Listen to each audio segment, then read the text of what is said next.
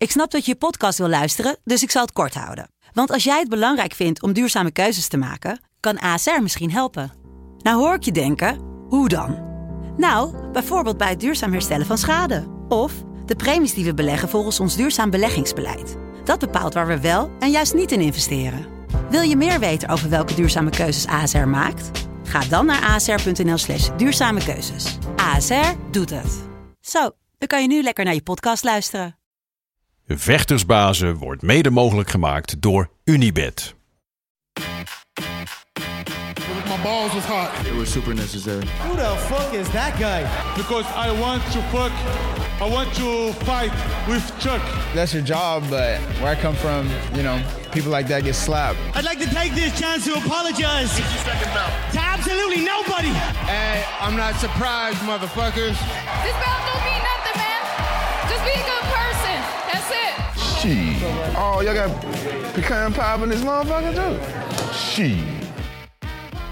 De Gouden Kooi, aflevering 9, eh, alweer je favoriete podcast over de UFC. Waarin we elke week het wel en wee bespreken van wat er allemaal gebeurd is. En eh, ja, vorige week zaten we natuurlijk in een Michelin-restaurant aan een kopieus zevengangen diner. En daarom leek het een beetje alsof we in een Febo terechtkwamen met plafuis aan de muur en TL-licht. Maar er gaat af en toe ook niks boven een lekkere kroket. Ja, toch? Is het niet eh, mijn goede podcastvriend eh, Sam van Raalte? hey Dennis, hoe is het man? Ja, goed. Het, ik heb me wel vermaakt, moet ik eerlijk zeggen. Maar voordat Mhm. we verder gaan, moet ik eventjes inderdaad vertellen. Het is vandaag Internationale Dag van de Persvrijheid. Oh, dat is fijn man. Dan kunnen we zeggen wat we willen. Ja, dat is heel belangrijk.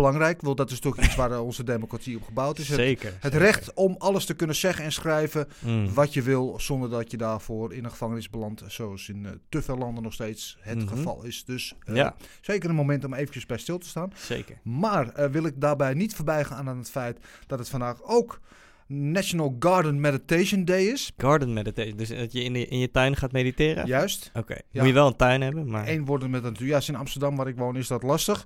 maar ik woon vlakbij het bos, dus een soort hele grote Oh, tuin. Ja, ja. Dus dat kan ook wel weer. Mediteer je wel eens, Dennis? Eh, nee, Mm. nee. Het zat wel, ik heb zo'n lijstje met dingen die ik allemaal nog wel eh, voorgenomen heb, die ik ga doen la- later als ik groot ben. Ja, precies. Dus eh, mediteren, yoga en dat soort dingen staat er allemaal nog op. Ja. Spaans leren. Hmm. Maar eh, ja, dat lijstje dat ligt ergens in de la. Ja man, ja. Komt Ik- er weinig tevoor. Ik heb Zo. wel eens van, aan het, van dat mindfulness gedaan, zeg maar, weet je, ademhalingsdingen en zo. Ja, ik wilde eigenlijk, maar vervolgens, je moet daar echt een ritme denk ik in ontwikkelen, dat je het elke dag doet en ik ben dat toch weer kwijtgeraakt. Ja. En dan, terwijl het wel gewoon echt goed is voor je, volgens mij. Ik gun mezelf nooit rust ervoor. Terwijl dat is het hele idee Precies. van juist dat je de rust da- erin vindt. Dus dat is een beetje, ja, ik moet daar een soort van balans in vinden van mezelf. Maar eh, het is vandaag ook eh, National Two Color Tuesday. Two, two colored shoes. Ja, dus je mag Ah. gewoon eh, twee verschillende schoenen aan. Oh, twee verschillende schoenen. Heb je twee verschillende schoenen? aan? Nee, nee, nee. Ik wist dat nog niet toen ik hierheen kwam vanmorgen. Jij bent wel Dus- van de schoenen namelijk. Je Ik hebt ben wel van de goede schoenen. Ja, aan. ja, ja, Maar ik heb gewoon twee dezelfde schoenen aan. Een, een linker en een rechter, dat dan weer wel. Ja, maar ja. wel van dezelfde Wat voor schoenen heb je aan vandaag? Eh, ik heb vandaag heb ik, eh, fans aan. Fans, oké. Ja. Lichtblauwe, hemelblauw, Ah, babyblauw. Dat is voor jou doen, is dat, je hebt ook nog wel gekkere schoenen dan dat, hè? Ja, jawel. Ik heb ook gekke kleuren en gekke dingen. Maar deze zijn... Hoe, eh, hoeveel paar schoenen heb je dan? Ik heb laatst met mijn vrouw hebben we een wedstrijd. Want vrouwen zijn ook altijd bekend dat ze veel schoenen hebben. Mijn vrouw die doet in cowboylaarzen. Dus je hebt heel Mm. veel van dat soort, eh, soort dingen. Toen gingen we tellen. En eh, tot mijn eh, schaamte moest ik bekennen dat ik meer schoenen heb dan mijn vrouw. Hoeveel? Ja, het is wel over de 40. Zo, ergens. zo Ja. dan. Ja. Ik heb denk drie of vier paar schoenen. Ja. ja, het gaat nergens over. Nou, Blijf man. Ja, maar het is geen slechte verslaving om te hebben. Je kan ook verslaafd zijn aan, eh, weet ik veel wat. Iets anders, wat Precies. slecht voor je is. Ehm, maar het is vandaag ook eh, National Paranormal Day. Oké. Voor mensen die paranormaal begaafd zijn. Hè? Mm, mm. Ben je een beetje paranormaal begaafd? Nee, nee, ik geloof ook niet zo in dat soort dingen. Ik had wel één keer, eh, weet je, had die filmserie op een gegeven moment Paranormal Activity. Ja. En eh, daar zat zo'n scène in dat zo'n, het ging eh, in zo'n huis, weet je wel, met zo'n zo'n gezin en een vrouw die dan een soort van behekst raakt of zo. Dan liggen ze in bed en dan gaat zo'n lamp, die gaat opeens heel hard glo- gloeien. Gaat Ja, aan en dan pats, dan knapt die. En toen woonde ik eh, in een appartementje in Den Haag. En dan, als ik dan binnenkwam, dan eh, had ik een, deed ik de deur open en dan was een trap omhoog. En dan moest ik beneden al het licht aan doen. En ik kwam s'avonds laat na die film thuis. Dat was op zich best een enge film. En ik doe dat licht aan en die lamp gaat voep aan en die pat, die, die knapt. En toen dacht ik wel even, kut. Dat is het enige moment in mijn leven dat ik even heb gedacht van... Oh, dit is wel gek, man. Maar goed, toch in het donker naar boven gelopen en mijn weg eh, gevonden. Geloof jij in het eh, paranormale? eigenlijk? Nee, man. Voor de rest geloof ik daar allemaal Nee? niet in. Jij wel? Bij de voetjes op de grond. Nou, ik zeg niet dat ik... Ik ben niet zweverig wat dat betreft. Maar ik geloof wel dat er meer is dan het oog kan zien. Ja, wel. Dus dat er meer is tussen hemel en aarde. Of dat nou wel geesten zijn of iets. Of, Hm. Weet je, ik ben niet religieus. Maar ik geloof wel dat er iets meer is dan wat wij... bedoel, Het is te, te, te bijna arrogant om te denken dat wij op dit kleine klote planeetje... Mm. Het enige, weet je wel, dat de mensen het enige superieure eh, Ja. ras zijn of, of, of wat dan ook, wat er bestaat. Nee, ik geloof Nee, wel dat er wel meer is, ook buiten de aarde. Maar Mhm. wat het dan is, of het nou groene marsmannetjes zijn, of Ja. ja. dat weet ik niet. Nee, nee, precies. Nee, daar, Ja. daar ben ik wel met je eens. Er, Ja. er is vast nog meer eh, dan alleen eh, wij hier op dit eh, dingetje dat in de ronde draaien. Ja. Daar, trouwens, daarover gesproken, over groene marsmannetjes. Want het is morgen, 4 mei, is het natuurlijk en dodenherdenking. Oh. Heel belangrijk om daarbij stil te staan. Maar het is ook, eh 4 mei is ook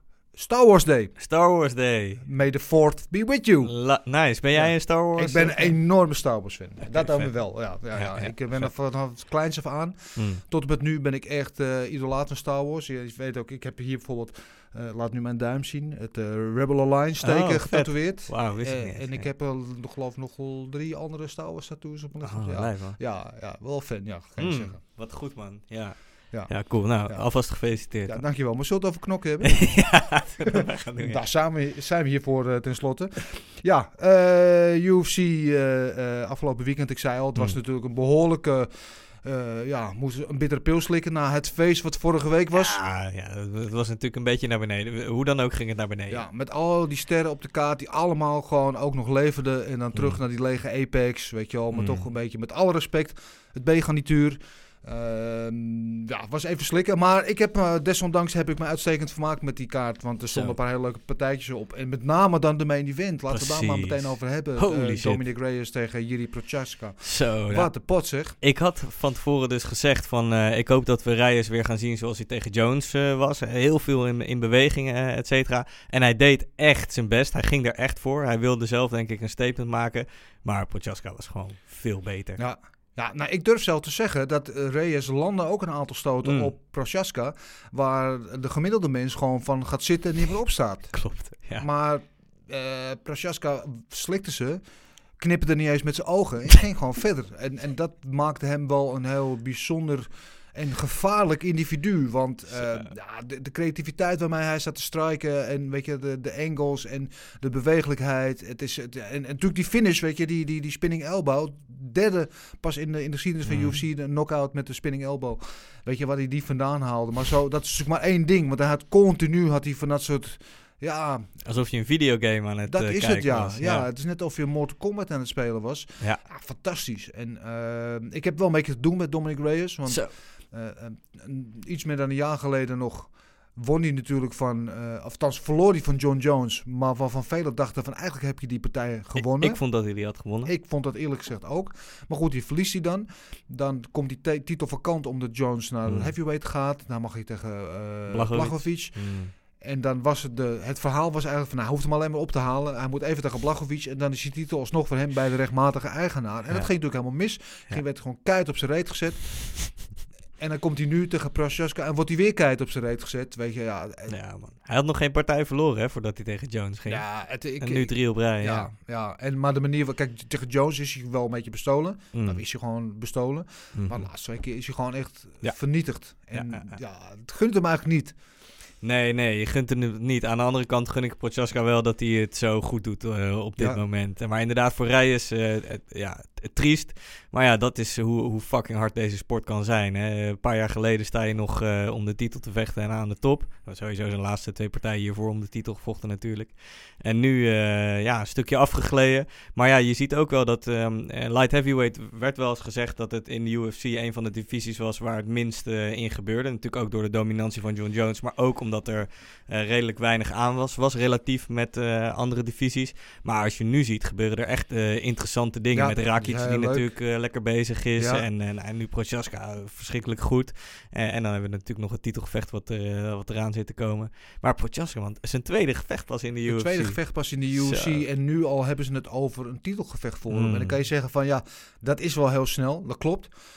Maar is het verdiend? Kijk, hij, hij vernietigt eerst uh, eh, niet een kleine jongen. En nu Mhm. vernietigt hij Reyes, zeker geen kleine jongen. Dus Mhm. ja, het is niet zo dat hij gewoon tegen twee koekenbakkers zich heeft laten zien. Nee, tuurlijk. En eh, Chandler die vecht volgens mij in zijn tweede gevecht al eh, om de titel eh, bij de UFC. En eh, die kwam niet als een kampioen binnen. Prochaska Nee, kwam nog als kampioen, als kampioen van, van eh, Rising, Van ja. Rising kwam die eh, binnen, ja. Ja. En op een winning streak van eh Ja. Tien partijen of zo. En, en hij heeft alles in zich om, om, om ster te worden. Mm. Hij heeft natuurlijk een beetje dat flamboyante met het gekke kapsel, de tongpo-kapsel van hem. ja. En eh, het is, het is eh, hoe zeg je dat? Hij is likable, weet je. Hij is aimable. Hij, er is niks aan die gozer wat je... Ja, hij heeft een hele plezante verschijning, attitude. Eh, ja, ik mag hem wel. En, en die stijl van vechten is ook fantastisch om naar te kijken. En ook al nogmaals alle props naar Reyes. Want het was een gevecht wel wat, tot, voor zolang ze het duurde, anderhalve ronde ongeveer. Mm. was geweldig, geweldig. Ja, en, terecht ook eh, Fight of the Night geworden. Mm. Eh, en Performance of the Night nog eens een keer voor Prochaska. Dus eh, buiten zijn showmoney krijgt hij nog eens even 100k erbij. Dus dat is ook een fijne avond voor hem. Dus, eh, maar het is hem gegund. Verdiend, verdiend. Ja. man, ja. Ik vind het leuk om te zien dat bovenin die divisie... eh, je hebt natuurlijk nog eh de titelgevecht wat eraan komt. Maar dan heb je, je, hebt, je hebt de Polish Power, je hebt een Tsjech. Ja. Rakic, eh, Servisch volgens mij. Dus eh, Oost-Europa represent eh daar bovenin. Ja, en eh, als we het hebben over Oost-Europa en, eh, en, enzovoort, laten we dan even over Georgië hebben. Mm. Eh, want Georgië liet ook behoorlijk van Zo. horen afgelopen zaterdag. Zo. En met uh, Giga Chikadze. Ja, Natuurlijk fantastisch die... eh, de gigakick. de Giga Kick, die, die levertrap in de eerste ronde, een minuutje ongeveer al. Holy shit. Ja, en hij staat ook onbekend. en hij was ook al 5-0 in de UFC voordat hij hierin kwam. Maar dit stond dan een beetje te boek als zijn eerste echte serieuze test. Cup Swanson, toch een man van naam. Mm. Gerenkte vechter in die top 15. Eh, maar die, die Cup Swanson die maakte een geluid. Dat heb ik hem volgens mij nog nooit horen maken. Die, Ja, dat is ook een taaie man, Cup Swanson. Ja. En dan op zo'n manier inderdaad eruit te trappen, dat is wel echt eh, indrukwekkend. Ja. Hij zat er perfect op, hè, die trap. hij zat er perfect op. En ik vond het mooi om te zien dat eh, Giga, toen hij hem neertrapte, dat hij eigenlijk al wist dat het klaar was. Hij deed een Ja. stap achteruit. Ja, dat is, vond ik ook mooi om te zien, ja. Hij wou eigenlijk niet naar doorgaan. Hij keek ook naar de scheids van... eh maar Stap jij erin? Maar goed, Ja. de scheids denkt van ja, je kan nog overeind komen. Zo gaf hij nog even twee klap. Maar hij zei achteraf ook van ja, eigenlijk wilde ik dat niet doen, maar ik moet wel. mhm. Bijna verontschuldigend. Dat vond ik ook wel weer mooi. Ja, Ja, toch een, die, die true martial arts spirit. Gewoon ja, eh, niet je tegenstander meer willen beschadigen dan nodig is. Hij had laten zien dat hij de beste was.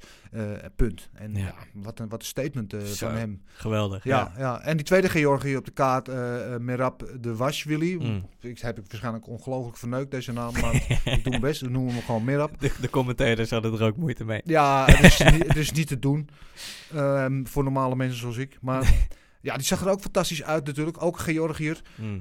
Natuurlijk al de hele tijd in het team ook van eh, eh, Matt Serra en Raymond Longo. Maar Georgië nonetheless. Die zag er ook geweldig uit tegen Cody Steeman, die er Zo. ook heel goed uitzag. Ook ja, inderdaad. Mooie partij was dat ook Ja, weer. geweldige mooie Ja. partij met twee gasten die eigenlijk een worstelbasis hebben. Mm. eh, maar niet Ja. beroerd waren om met z'n tweeën ook een beetje te gaan, eh, gaan traden. Gewoon een beetje te gaan lopen stompen. Ja, mooie partij was dat. Maar nu het zegt inderdaad, Georgië natuurlijk ook echt eh, Oost-Europa is lekker bezig man, de laatste tijd. Ja, Ja. Ja, het is ook goed. Het het is mooi om te zien hoe die sport evolueert. Van, want was eerst was het de UFC is natuurlijk Amerikaans en het was heel veel Amerikanen en Brazilianen. Ja. En af en toe is wat, nou, een verdwaalde Nederlander bijvoorbeeld erin, of eh, weet je, wat Engelsen die kwamen er op een gegeven moment in en zo. Ja. En eh, je ziet nu echt, zie je ze gewoon eh, uit alle landen en alle hoeken en je, Tsjechië begint er bezig met Prochaska en een ster te krijgen. Mhm. Weet je, die, het wordt echt een internationale sport. En dat is goed voor de sport, want dat betekent dat die internationaal wijd verspreid Zo. wordt. En dat het niveau overal stijgt. Dat je dus ook gewoon contenders krijgt overal vandaan. En dat je als je Ja. straks wereldkampioen bent, dan ben je dus ook, ook echt de wereldkampioen. Want de vechters komen ook overal vandaan. En dat is een goede man. ontwikkeling, man. En voor ons ook belangrijk, dan komen er hopelijk op termijn ook wat meer evenementen in Europa. Ja, Zo los van dat het leuk is om heen te gaan, ook goed voor ons slaapritme. eh, Wat Ja. dat ik hoop erop. Ah, het zou toch wat zijn als Europa weer open gaat. Dat we gewoon weer een show krijgen. Hoeft niet eens in Nederland, maar weet ik wel, in Duitsland of in eh, Ierland. Of in, Precies, eh, niet uit. Frankrijk is natuurlijk open nu. ehm, Mm, met ja. Nagano en, eh, en Gaan zou natuurlijk een mooie zijn Zo. ook. Ja. Eh, maar ja, dat is allemaal eventjes voor de toekomst. Wat eh, vond je van de draw tussen Jacobi en Kutalaba? Ja, ik had er wel vrede mee. Mm. Ik had er wel vrede mee. Ik eh, ervan uitgaan dat die eerste ronde een 10-8 was voor Kutalaba. Eh, ik persoonlijk eigenlijk... De, had ook een 10-9 kunnen zijn, want hij Mm. was wel heel dominant. Maar de eerste anderhalve minuut op de voeten was voor Jacoby. En aan het Mm. einde van de, van de ronde kwam hij ook nog overeind. Deed hij nog wat terug. Dus, eh, maar goed, 10-8 kon ik me wel in vinden. En ronde Hm. 2 en 3 waren volgens mij sowieso voor Jacoby. Ja. Dus als je 10-8 hebt en dan twee keer 10 9 voor Jacoby, kom je op 28-28. Dus, eh, maar wel een gekke partij, man. Mm. Wel, eh, wel een mooie pot, inderdaad. Want die eerste ronde, Koetelaba natuurlijk zwaar, inderdaad dominant op de grond met die ellebogen. Mm. Ehm, dan weet je van Koetelaba dat hij vaak met conditie een probleem krijgt. Dat hij in de tweede en derde ronde een beetje wegzakt. Maar dat was eigenlijk helemaal niet, Mm. niet echt... Wel, vond ik wel meevallen. Je zag dat hij daar stappen had gemaakt. Dat hij ondanks dat Jacoby wel die rondes aan het winnen was... dat hij nog steeds in het gevecht zat. Nog steeds de dingen terugdeed. En eh, ik vond ook wel mooi dat... Ze hadden natuurlijk wat animositeit. En dat was het dat gedoe op de weging. Weet je dat hebt Ja, meegekregen? ja, ja. Dat was, Kutalaba pakte hem vast Die bij zijn nek? Bij, ja. bij zijn nek, ja. En dacht ik, we hebben natuurlijk net het drama gehad met Jeremy Stevens. en ja, daar moest ik ook meteen aan denken, ja. ja. Ik denk, ja, doe het nou niet. Gelukkig En Dana White, hè, die toen zei dat, eh, wat was het, Sean Shelby of eh, degene die daarbij stond, toen in had moeten grijpen, deed nu, nu stond Dana White er zelf bij. Ja. Deed ook niks. Nee, dus nee ja. het was gelukkig wel zo voorbij, dus eh, het goed afgelopen. Ja, wel. Maar er was wat animositeit. Maar je zag al aan het begin van de derde ronde deden ze toch eventjes f- fistbump nog van, nou, succes de laatste derde ronde. Dus al die animositeit is wel voorbij. Maar een mooi pot was het, man. En ik Zo. vond ook, want Dustin Jacoby, natuurlijk ex-glory vechter. Hmm. Dus eh, als ex-kickboxer heb ik daar altijd wel een beetje affiniteit mee. Ja. Aardige gozer trouwens, ik heb hem ook wel eens ontmoet. Eh, op vrij last minute in deze partij gestapt. Hmm. Ehm, dus ja, die deed, die deed heel goed en hij heeft ze in ieder geval eh, zijn huid duur verkocht. Dus was een mooie pot, man. Zeker, zeker. Even Ja, kijken, wat hadden ja. nog meer? Ja, Sean Strickland. I know I can be a dick, zei hij achteraf. Hè. Af en toe ook wel een beetje praatjesmaker. Ja. Deed hij nu helemaal niet in deze wedstrijd. Mhm. Eh, was gewoon heel zakelijk eh, met die wedstrijd bezig. Maar zag er heel goed uit. Het, z- zijn boksen is eh, ja, wel... Ja, wel goed hè. Achteraf zei hij zelf dat hij, hij was niet tevreden. Hij zei, I kind of fought like a coward, zei Ja. hij nog in een interview. Dus hij, hij, hij vond dat hij meer had moeten doen. Maar hij zag er goed uit gewoon. Ja, hij zag goed uit. En het is misschien wat hij, hij heeft wel de neiging om wat wil te worden. Hmm. En dat deed hij nu niet. Hij blijft wel eh, gereserveerd, gewoon eh, eh, zijn ding doen en goed de partij naar zich toegetrokken. En hij heeft nu wel zijn voet ook gevonden in die middleweight divisie. Want hij was eerst, was hij, zat hij 170 en had, had hij af en toe nog wat moeite om dat gewicht te halen. Hmm. En nu is hij hier in deze divisie en laat hij zien dat hij daar gewoon wel een, een factor kan gaan spelen, man. Ja, dus was, ja, goede pot voor hem. Zeker. En dan hadden we ook nog weer, eh, t- natuurlijk Aljamain Sterling eh, flashbacks. En eh, dit keer een, eh, een upkick die illegaal was. Ja, Eh, en de daaropvolgende disqualificatie nadat, eh, hoe, hoe heette deze? Marcos tegen Pinheiro. Ja, Pinheiro. Pinheiro ging neer. Ja, En eh, opvallend in het commentaar. Normaal laten de commentatoren het een beetje in het midden. Maar ehm, eh, Paul Velder die was redelijk. eh, die dacht meteen van. Oeh, ik denk dat we misschien wat acteerwerk zien. Later nam hij zijn woorden terug. ja. Maar vervolgens er ging, terug, hij het, ja. ging hij het ook een beetje haar cynisch Ja. nadoen. Ah, ging hij het vallen nadoen. Dus dat vond ik opvallend. Niet heel collegiaal misschien. Ehm, En eh, ja, goed, kijk, ik, heb, ik heb, ben natuurlijk geen, eh, geen vechter. Dus ik, ik zou niet weten of dat ehm, acteer... Ik zou niet kunnen zeggen of het acteerwerk is of niet. Maar ja, als je zo'n trap krijgt... Ik kan me ook voorstellen, zij vroeg op een gegeven moment toen ze zeg maar, erbij werd gehaald... of ze verloren had. Ik denk niet dat je dat vraagt als je er echt helemaal bij bent. En eh, ze was die partij aan het winnen ook. Dat, dat maakt het voor mij dat ik eerder denk dat, het toch wel, dat er toch wel wat aan de hand was. Maar ik zie aan jouw gezicht, Ja, Dennis, dat jij je twijfels Ja, hebt. ik ben er nog steeds niet. Ik heb het een paar keer gezien en eh, ik heb er toch wel over nalopen denken. Ik ben er nog steeds niet over uit. Hm. Want mijn eerste gedachte was inderdaad. Het is een uh, Neymartje. Dat heet eh, Heavy Shades of Neymar. Want waarom zou je dat doen? Want ze werd achteraf ook, ze ze een beetje appelig om zich heen kijken. Ze werd achteraf ook, werd ze door de coach als een soort van baby in de armen, werd ze naar achteren gedragen. Ik denk, als je echt zo de weg kwijt bent, waarom komt er geen brancard bij kijken? Waarom Hmm. word je dan niet weggereden? Eh, dat schijnt achteraf wel backstage alsnog gebeurd te zijn trouwens. Dus eh, al- dan dacht ik weer van ja, misschien is het wel echt. Want ja, hoe lang ga je die, die, die, Die act dan nog die act dan ophouden. volhouden, weet je wel? Want dan, als je eenmaal buiten beeld van de camera zo bent, dan kan je wel weer gewoon weglopen. Hmm. Maar ze heeft daar echt nog, eh, ze is echt nog naar het ziekenhuis gegaan en zo voor, eh, eh, voor check-up. Dus dan denk ik weer van ja, misschien is het wel echt aan de hand. Mhm. Ja, ik ben, weet je wat het is? We hebben afgelopen tijd gast gezien die zijn vinger kwijtraakte in de kooi en Mm. door wilde vechten. En iemand die eh, gespleten ooglid had en door wilde vechten, weet je wel. Dus Mm. alles wat daaronder zit, denk ik, ah, is fake, man. Ja, En dat, dat, is misschien, weet je, de norm is wel een beetje verlegd daardoor. precies. Dus dat is misschien ook niet helemaal eerlijk. Mm, ja, en die, die shit die zo iemand dan weer op social media over zich heen krijgt, ik heb daar toch een beetje moeite mee. Ja. Maar dan denk ik van ja, het is zo, eh, echt, het is zo makkelijk om zo'n keyboard warrior dan te zijn en Ja. eh, te roepen dat iemand eh, Ja. acteer, acteert of een Oscar moet krijgen. Ja, ik weet niet man. Nee. Ik, ik, ik vond dat het dit keer wel wat, gelukkig wat sneller werd afgehandeld dan bij, ehm, in het geval van Sterling. Toen duurde het allemaal veel te lang in, in die kooi. Ja. Maar goed, eh, ja, het, het, het blijft gewoon eh, zaak dat iemand die, dat die tegenstander die upkick gewoon niet geeft. Nee. En dan heb je dat hele gezeik gewoon niet. Nee, maar daar, ja, daar kan je ook weer een heel verhaal bij maken van was het expres of proberen ze er gewoon van af te duwen. Kijk, de upkick Hmm. als iemand staat is wel legaal. Hmm. Maar nu, kijk, dat is ook weer wat hè, die regel. Want je mag eh, niet eh, slaan of, of je mag niet schoppen of knieën naar een grounded opponent. Hmm. Maar die regel is bedoeld om degene die onderop ligt te beschermen. Ja, ja, ja, precies. Ja. Weet je, en nu is het natuurlijk andersom. Nu krijgt degene die bovenop ligt, Ja. half staat, krijgt die upkick. Dus kan je ook zeggen van ja, wordt, ja de, de, de regels zijn de regels, dus goed toegepast. Maar is die regel dan wel weer goed? Nou, dat is waar. Trouwens, eh Prochaska kreeg ook nog een goede upkick van eh Reyes Ja. te verwerken. En toen dacht ik even van, is hij weg? Weet je wel, is hij, was hij even... Maar dat is zo bijzonder inderdaad, die kin van hem, jongen. Niet normaal. Ja. Nou, er was wel een momentje in die partij inderdaad dat hij ook even de chicken dance stond Ja, te doen. heel even deed hij zijn hoofd ook weg. En toen dacht ik, nou, dit is het moment dat Reyes het naar hem toe kon trekken. En wat deed Reyes toen? Die ging toen voor de takedown. Mm. Waarvan ik dacht, van, als je nou op dat moment een stap naar achteren doet, je hebt hem aangeslagen, ja, ga er overheen. Mm. Maar hij nam hem een takedown en in die takedown deed Prochaska het eigenlijk heel goed. Mm. Draaide hij het om, Ja. kwam volgens op de voeten en toen trok hij de partij van naar zich toe. En dat was het enige moment in de wedstrijd dat ik dacht van, nu had Reyes misschien wel Mm. het hele verhaal om kunnen draaien. Ja, ja, Maar ja, eh, gebeurde niet. Maar, maar eventjes bij, eh, bij Marcos en Pinheiro te blijven. ja.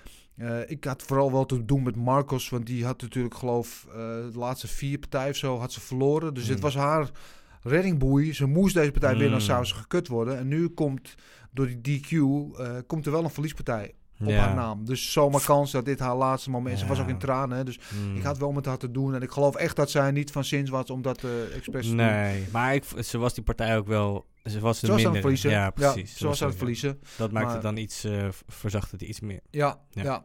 sneu. Oké, Zullen we naar de, de luisteraarsvragen gaan? let's go. Ik zou zeggen, neem de eerste. Oké, van Samori Kakai via Instagram. Denken jullie dat Khabib wacht tot iemand anders dan Oesman de 170 belt heeft voordat hij terugkomt? Eh, nee, ik denk het eigenlijk niet. Nee. Ik denk gewoon dat het klaar is met Khabib. Ja, dat denk Ja. ik ook. Ja, hij bedoelt hiermee natuurlijk dat Khabib en Oesman, dat zijn natuurlijk vrienden van elkaar. Ja, precies. Ehm, dus Dat als iemand wacht, anders, ja. zoals bijvoorbeeld Kobe hem eh, zou krijgen. Ja, Maar ja, nee, ik denk het ik ook zie het niet gebeuren. Nee, Nee, nee. nee. Ik vind het toch leuk dat we wel weer een manier hebben gevonden om toch Khabib weer Ja, ja, ja. in de discussie... eh, Shout-out naar jou, Samori. Maar, ja, ja, precies. Altijd leuk, Khabib. Maar ik, ik denk echt dat hij eh, gewoon... ik denk niet dat hij à la GSP, zeg maar, een gewichtsklasse hoger terug gaat komen over een tijdje. Ik denk gewoon dat het echt klaar is. ik denk ook dat het echt klaar is, ja. Ja. en dat hij zich echt gaat toeleggen op zijn werk als coach. We zien hem natuurlijk om de havenklap zien we hem ergens in de hoek opduiken als coach van deze en gene. En ik hoor eh, van DC, natuurlijk bevriend en, en, en Mm. ook een trainingsmaat met hem, is dat hij in de gym gewoon wel nog keihard traint, net alsof Ja. hij nog steeds aan het vechten is. Ja. Maar gewoon nu bezig is om ze, ja, ze, de andere vechters beter te maken, Ja. om ze te helpen en te doen dat hij daar echt gewoon volle bak mee bezig is en dat hij daar ook echt van geniet. Dus Ja, dus ik zit, nog, ik zit toch, toch nog even een scenariootje waarin ik Nou, terug kan komen. Hè.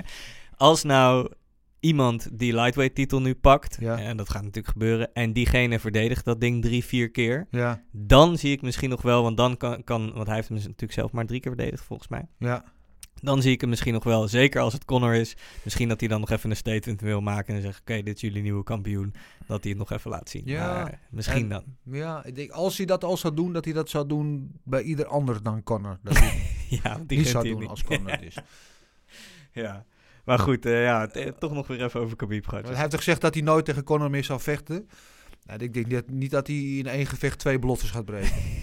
denk, dan gaat hij en weer vechten en dan ook weer tegen Connor. Dat denk ik. Ja, weet ik niet. Nee, nee, Nee. goed Ja. punt. Eh on to the next. Jan van der Bos via Twitter. Eh, moet de upkick mogen? Ja, vind ik wel. Ja, is, ja, Vind ik wel. Ja, het gaat nu mis, maar Dat moet, niet- het is net als vorige week met Whiteman kwamen er stemmen van... ja, moeten we het niet eh, de low kick verbieden? Nee, hou op alsjeblieft. Het gaat af en toe, ja, weet je, het is een sport. Het is een gevaarlijke sport en af en toe gebeuren dingen die niet moeten gebeuren. Mm. Maar om dan meteen eh, een hele techniek eh, te cancelen, dat lijkt me een beetje overdreven. En de upkick is gewoon... Kijk, als je op je rug ligt en iemand staat boven je... eh, het is een goede techniek om iemand van je af te houden. Tuurlijk. Weet je, en om nog wat terug te kunnen doen, want je bent ook vrij weerloos. Althans, je kan toch weinig doen als je op je rug ligt. Eh, en dat is wel een van de dingen die je wel kan doen. Dus ik eh, vind absoluut dat hij wel moet blijven, toch? Of... Ja, met je eens, man. Met je eens. Ja, en eh, Jan vraagt ook nog title shot voor Jiri. Ja, misschien, maar daar gaan we het straks over hebben tijdens het matchmaken. Ja, Douwe Edema vraagt, vraagt hetzelfde via Insta. Nou, gaan we het zo bij het Ja. matchmaken inderdaad ja, over ja, het is natuurlijk wel na twee gevechten al van dat is wel heel snel. Dat is inderdaad heel snel, maar als, jij zei net al Michael Chandler inderdaad na één gevecht. Ehm, gaan we iets verder terug in de geschiedenis zelfs hadden we de, de WEC, hè, de, de World Mhm. Extreme eh, Championship. Ehm, daar kwamen alle kampioenen vandaan. Die, dat werd, ging toch fuseren met de UFC. Mhm. Dus eh, Jose Aldo, Dominic Cruz, eh, vergeet ik nog één of twee. Die kwamen Mhm. natuurlijk met de titel al op hun nek.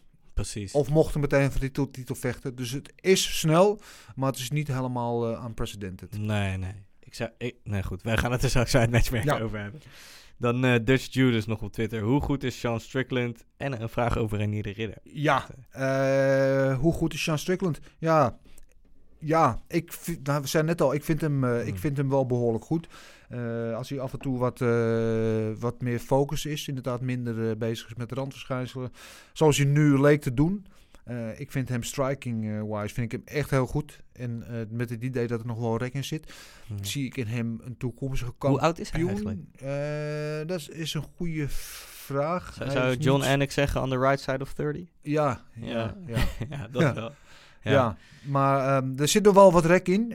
Of hij een toekomstige title contender dan wel kampioen is, dat weet ik nog niet. Dan zou ik hem echt nog tegen een wat Ja. sterkere oppositie willen zien. Maar eh, ehm, ja, interessant. Hij kan zeker een rol van betekenis spelen in die middleweight divisie, eh, Zeker, vind denk ik. het ook. En dan inderdaad, uh, Josh Hughes vraagt ook nog... eh, gaat Reinier eh, Ridder drie belts pakken bij One? Dat is Ja. natuurlijk geen UFC-vraag, maar ik ma- maak graag een uitzondering hiervoor. Een Reinier de Ridder, Wat een ja, waanzinnig. Heeft dus, eh, is nu dus eh, middleweight en light heavyweight kampioen bij, bij One. En Ehm, ook de meest ge- gehate man in Myanmar. ja, Dat wil wat zeggen op het moment. ja, precies. Nog steeds ongeslagen. Je hebt hem ook wel eens te gast gehad bij Ja. Vechtersbazen natuurlijk. Ja, Vertel even, man, Ja, Reinier de fantastisch. Maar Reinier, fantastische gozer. Is natuurlijk eh, een fenomeen op de grond. Zijn Hmm. jiu-jitsu is eh, second to none, zou ik eh, bijna willen zeggen. Ehm pakt natuurlijk al die belt van de middleweight, wat gaat totaal tegen de verhouden of tegen de verwachtingen in was. Want Aung is natuurlijk een soort van Aziatische superster. Die heeft dus zijn eigen standbeeld in Myanmar. Ja. En werd eigenlijk, een Renier werd eigenlijk gehaald toen om te verliezen. Nou, dat liep even anders. En dat chokte hem zijn nek eraf in de eerste ronde meteen. Eh, en nu Five days notice. ja, eh, vijf, vijf days notice inderdaad. Want op, op vrijdag voor gevecht vechten ze op woensdag. en op vrijdag is hij met zijn gezin op het strand. Hij krijgt een belletje van ja, die tegenstander van eh Aung is uitgevallen hier met eh, covid. Wil je vechten? Ja, bel je zo terug, want ik moet het even mijn vrouw vragen. Terwijl hij daar eh, een zandkasteel aan het bouwen was, of weet ik veel. Nou, vrouw vond het goed, dus hij belt terug. Ja, kom maar dan. Is naar huis gaan, spullen gepakt. Zaterdag zat hij in het vliegtuig. En eh, vier dagen later eh pakt hij ook die tweede belt. Vijf rondes dominant. Ja, geweldig. man. Ja, geweldig. ja, ja. En je zag aan het einde wel dat hij, dat hij echt op was. Maar ja, wat wil je dan, weet je wel? Je bedoel, Tuurlijk is hij aan het trainen, maar een vijf ronden gevecht om de titel tegen een beest als Aung. Want eh, hij woog ook, geloof ik, eh, nog eh, 15 pond onder de weight limit eh, woog hij in, eh Reinier de Ridder.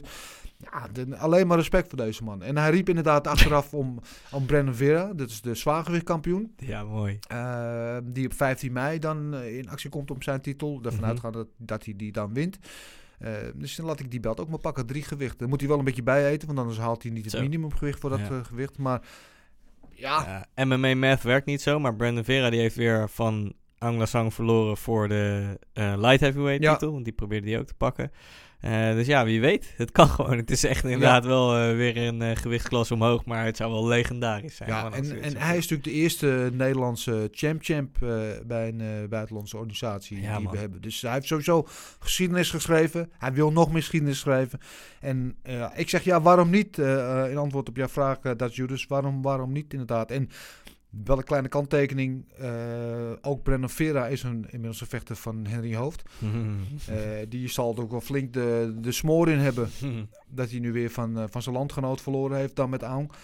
Ehm, ja, dus die gun ik het dan weer niet. ja, ja. Maar Reinier gun ik het absoluut van harte. Die gun ik de hele wereld. ja, man. En wie weet dat we hem nog ooit in de UFC gaan zien. Ook nog jong. Ja, dat is zijn grote ambitie. En eh, dat wordt natuurlijk de grote test voor hem dan. Want ja, ik kan zeggen, als je nu dan in twee gewisselaars daar de belt hebt gepakt. Of is gewoon een hele goede matchmaker voor hem. Kan, hè? Want soms ja, ja. ligt de vechter ja. je heel erg, of juist heel erg niet. Uh, misschien dat er andere vechters zijn die het hem moeilijk kunnen maken. Maar tot nu toe gaat hij echt fluitend door, uh, door die hele divisie heen. Dus uh, misschien dat hij inderdaad af en toe de stap naar de UFC moet Shout-out naar maken. Renier. In ieder Ja, shout-out naar Renier. Ook shout-out naar Henry Hoofd. Dan Hmm. kom ik meteen bij dat punt. Uh, we hebben natuurlijk onze wekelijkse rubriek hoofdzaken. Maar uh, die nemen we op zondag altijd op. Maar op zondag was Henry aan het reizen vanuit Singapore terug naar Florida. Dus ik heb hem nog niet te pakken gehad. Dus die zit nu niet in deze gouden kooi. Maar dat gaan we deze week sowieso goed maken. Dus hou onze socials in de gaten. Dan komt daar in één keer gewoon het hele gesprek met Henry Hoofd. Top. Houden jullie van ons te goed? Yes. Hey, laten we naar het nieuwsrondje gaan. Ja. Ja. Conor McGregor heeft goede zaken gedaan. Whisky money, baby. Jezus, man. Ja. Jaloersmakend, hoor. Ja, ik ga het steeds meer afvragen. Heeft, wat voor reden heeft hij nog om te vechten? Ja, Anders niet. dan dat hij het leuk vindt Ja, of dat precies. hij bewijsdrang heeft. Maar ja, het nieuws was eh, Proper 12, zijn whiskymerk. eh Irish whisky, niet te suipen, maar wel succesvol. Ehm, daar heeft hij natuurlijk een groot aandeel in. En hij heeft zijn aandeel verkocht aan eh, het uh, drankconcern wat uh, daarboven zit. eh, voor no less dan 600 miljoen dollar. 600 miljoen. Volgens mij moet hij het nog wel delen met zijn manager en zo. Ja, Maar dan blijft er toch nog wel wat over. Er blijft nog wat aan de strijkstok hangen, denk yes. ik. En dat is overigens uh, 600 miljoen is het totaalbedrag. Want hij had al, geloof ik, 250 miljoen dollar had hij eraan verdiend. En Ook dat al. zit daar in die 600 miljoen. Okay.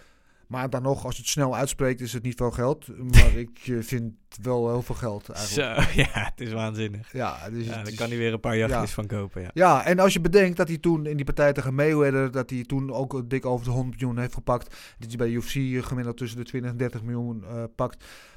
Kun je wel zeggen dat hij hard op weg is om de eerste MMA-miljardair ooit te worden? Ja, wel vet, man. Ja, ja, ja, vet, kon hem, of, uh, Floyd Mayweather was natuurlijk de eerste uh, boxmiljardair. Hmm. Uh, misschien wordt hij wel de allereerste MMA-miljardair. Ja, dat precies. Weer, dat is, misschien is dat wel zijn reden om te blijven vechten. Mm. Om op die manier te zien. Want hij is altijd bezig met records, hè, met ja, precies. Ja, ja, ja. Uh, dat dit zijn volgende doel wordt. En hij had uh, een half miljoen heeft hij gedoneerd. Hè? Volgens mij was het afgelopen week aan uh, een goed doel. maar niet aan het goede doel van nee. Dustin Poirier, maar aan een ander. Aan een ander. Kan niet missen, denk je? ja, denk het wel. Ja, pocket money. ja. ja, precies. ja, een ander verhaal wat deze week in het nieuws kwam. Diego Sanchez, die zou natuurlijk aankomend weekend zou hij tegen Cowboy Cerrone vechten. Ja. Wisten we al dat die partij niet doorging. Waarom was niet helemaal duidelijk. Hmm. afgelopen week bleek opeens dat hij gewoon helemaal gekut is door de UFC. Het was ook al zijn afscheidspartij. Hmm. Maar iedereen dacht van ja, dan wordt die partij uh, uh, verplaatst. Niet weten wat de reden is. Uh, nu blijkt dus dat hij helemaal eruit geschoten het is. Ja, en ook wel een beetje hoe dat dan zit. hoe heet die gast nou? Josh Fabia heet die manager Ja. of trainer toch van hem. er, hij had ook verschillende best wel lange filmpjes. Had Diego Sanchez op zijn op zijn Insta gezet. Uh, en dan uh, filmden ze de, de, de meeting met de, de commentators voor, voorafgaand aan een evenement. Uh, zitten die commentators zitten altijd even met de vechters om gewoon even met door te nemen hoe een camp was en alles. Ja. Heel merkwaardige filmpjes. Heb je ze ge gecheckt, Dennis? Ik of, heb de uh, filmpjes zelf niet gezien, nee. Het, uh, ze duren allebei zeg maar rond de 12 minuten. Het is uh, allemaal van één, die ene meeting. En in het begin is Diego zelf aan het praten met, met Paul Velder zit er, Megan uh, John Anik en een paar andere mensen nog erbij. Goeie mensen ook gewoon, weet je wel. Geen, Mhm. En dan op een gegeven moment gaat die, begint die Josh zich ermee te bemoeien over van ja, en jullie uh, praten niet goed over hem en uh, uh, dat moet beter. En als je ziet wat voor een haat hij krijgt en dan gaat die Josh opeens over zichzelf praten en wat voor een haat ik krijg. En jullie moeten ook respect voor mij hebben, want Diego heeft respect voor mij. En ah, het is, het is zo'n merkwaardige ja. manier van praten en... Uh, Paul Velder zegt dan ook op een gegeven moment heel mooi van... Uh, uh, I don't know what the fuck you're talking about. Weet je wel, van de, ja. waar gaat dit over, weet je wel? En uit, die, um, uit die opname blijkt ook eigenlijk alleen maar hoe rare gast die Josh is. Ja. En dan zetten ze dat op die social media om Ja. soort van aan te tonen dat de UFC verkeerd zit of zo. Heel vreemd allemaal. Ja. Ja, ja, het is heel raar. Ehm, Diego Sanchez zelf bracht ook nog een statement naar buiten. En die zei van, ja, UFC probeerde mij eigenlijk eh, eh, te laten afzien van, eh, van mijn medische rechten. Dat ik de medische aansprakelijkheid Ja. losliet. Want hij moest even een verklaring ondertekenen, waarin hij zei dat hij nog nooit ergens last van had gehad. En hij zei, ja, ik ben 17 jaar bij de UFC. Ik heb, geloof ik, 37 wedstrijden gevochten. Tuurlijk, weet je wel. Ja, dus Hmm. dat als in de verloop van tijd Hmm. problemen gaan opduiken, dan met hersenschade of wat dan ook, dat de UFC daar een soort van niet Hmm. voor aansprakelijk is. Die vertaalt het in ieder geval zo dat dat de lezing was, Hmm. waarom hij dan weg moest, omdat hij dat niet wilde ondertekenen. Ja. Ja, ja, Ja. Het is gek. eh, die, het is inderdaad een beetje in het midden. Want eh, die, eh, ze hadden ook nog zo'n telefoongesprek gelekt van Josh met Sean Shelby, volgens mij. Mhm. Waarin het inderdaad ging over die medische records. Maar toen zei die Sean Shelby ook van ja, maar die, dat, dat ligt bij de instanties zeg maar, die daarover gaan en niet, niet bij de UFC. Vond ik eigenlijk wel opmerkelijk. Want ik vind dat die, het lijkt me goed dat de UFC dat zelf ook van haar eigen werknemers gewoon goed bijhoudt. Eh, maar goed, het, het staat wel buiten kijf dat die Josh, die soort van eh, mental coach Ja. eigenlijk meer is dan echt een eh, MMA-coach, Ja, wel een hele vreemde vogel is. Waarvan ik de indruk kreeg vanuit die filmpjes dat hij echt een soort van controle heeft gekregen over, over Jago. Ja. wat er gewoon heel raar uitzag. Er zitten natuurlijk ook. Die, die gast heeft hele rare manieren van trainen. Hè? Er is zo'n filmpje van hem, staat ook op internet. Dat hij in een kooi met drie gasten. En dan zit die George met een mes rond zich heen te zwaaien. En moeten die gasten hem ontwijken. Ja, niet te doen. Wat is dat nou? Ja. Dan ben je gewoon een batshit crazy van. Ja, dan ben je best crazy. Hoe dan ook, wat ook het ware verhaal is eh, en of het ooit nog naar buiten komt, eh, het is natuurlijk wel zonde. Want, Zonde, eh, legende, ja, 17, ja, de legende. De allereerste winnaar natuurlijk eh, van die Ultimate Fighter. Weet je, eh 17 jaar in de UFC inderdaad, geloof ik 37 wedstrijden. Ja, en dit is het einde van het tijdperk. En we hadden ondanks misschien de gekke manager en ondanks dat die Diego Sanchez af en toe ook af en toe een kronkel in zijn kop lijkt te hebben, we hadden hem een mooier afscheid gegund Sowieso, dan ja. nu zo door de achterdeur eh, te vertrekken. Dus eh, ja, het zonde. Zonde, echt Ja. zonde. Ja. Ja. Ja, Eh, ja nog een eh, opmerkelijk berichtje. Eh Sabit. Sabit eh, Zabist, Magomed Shapirov, eh die verdween opeens uit de rankings. Was toch eh, derde gerankt eh, in de featherweight divisie. Ehm, dus niemand wist wat daar precies aan de hand is. Er Hmm. dook een verhaal op in de Russische media. ehm, dat hij ermee wilde stoppen omdat hij, ja, hij had gewoon geen zin meer. Hij had geen motivatie meer, geen zin meer om te trainen. En onderliggende narrative, onderliggende verhaal daarbij is dat hij heeft gezien wat, eh, eh, wat er met Khabib is gebeurd. Dat Hmm. eigenlijk zijn hele leven dat veranderde toen hij een superster was. Dat hij een soort van publiek bezit werd. En dat hij daar een beetje van teruggeschrokken is. Dat hij dat absoluut niet wil. Dat hij gewoon een rustig Hmm. leven wil leiden met zijn familie. En Hmm. geen zin heeft om, eh, nou ja, als hij de deur uitgaat, meteen door iedereen aangegrepen te worden. En een soort van eh, ehm, in het spotlight te staan de hele tijd. Dat hij daarom gestopt zou zijn. En dat het is daarom dus nu terugtrekt. Helemaal uit de MMA. Dus niet eens bij de UFC, maar dat hij gewoon stopt met vechten. Hm. Ehm, er kwam ook weer een verhaal boven drijven. Daarom, want er gaan natuurlijk de wildste geruchten nu dat hij ook een, een of andere operatie eh, Ja, heeft moeten ondergaan. Ehm, Maar ook dat hij klaar was met de UFC, omdat het ze maar niet lukt om een eh, partij voor ja, hem eh, te nee, regelen. sinds 1 2019 en 19 niet meer gevochten. Sinds 2019 gewoon Ja. al niet. Dat is ja, lang, dus man. Dat is al bijna twee jaar, ja. Ja, dus zonde. Wat hij werd natuurlijk getipt als, als de, de, de komende kampioen. Doodenge gast, Doodeng gast. Abraham Lincoln. Ja, Ja.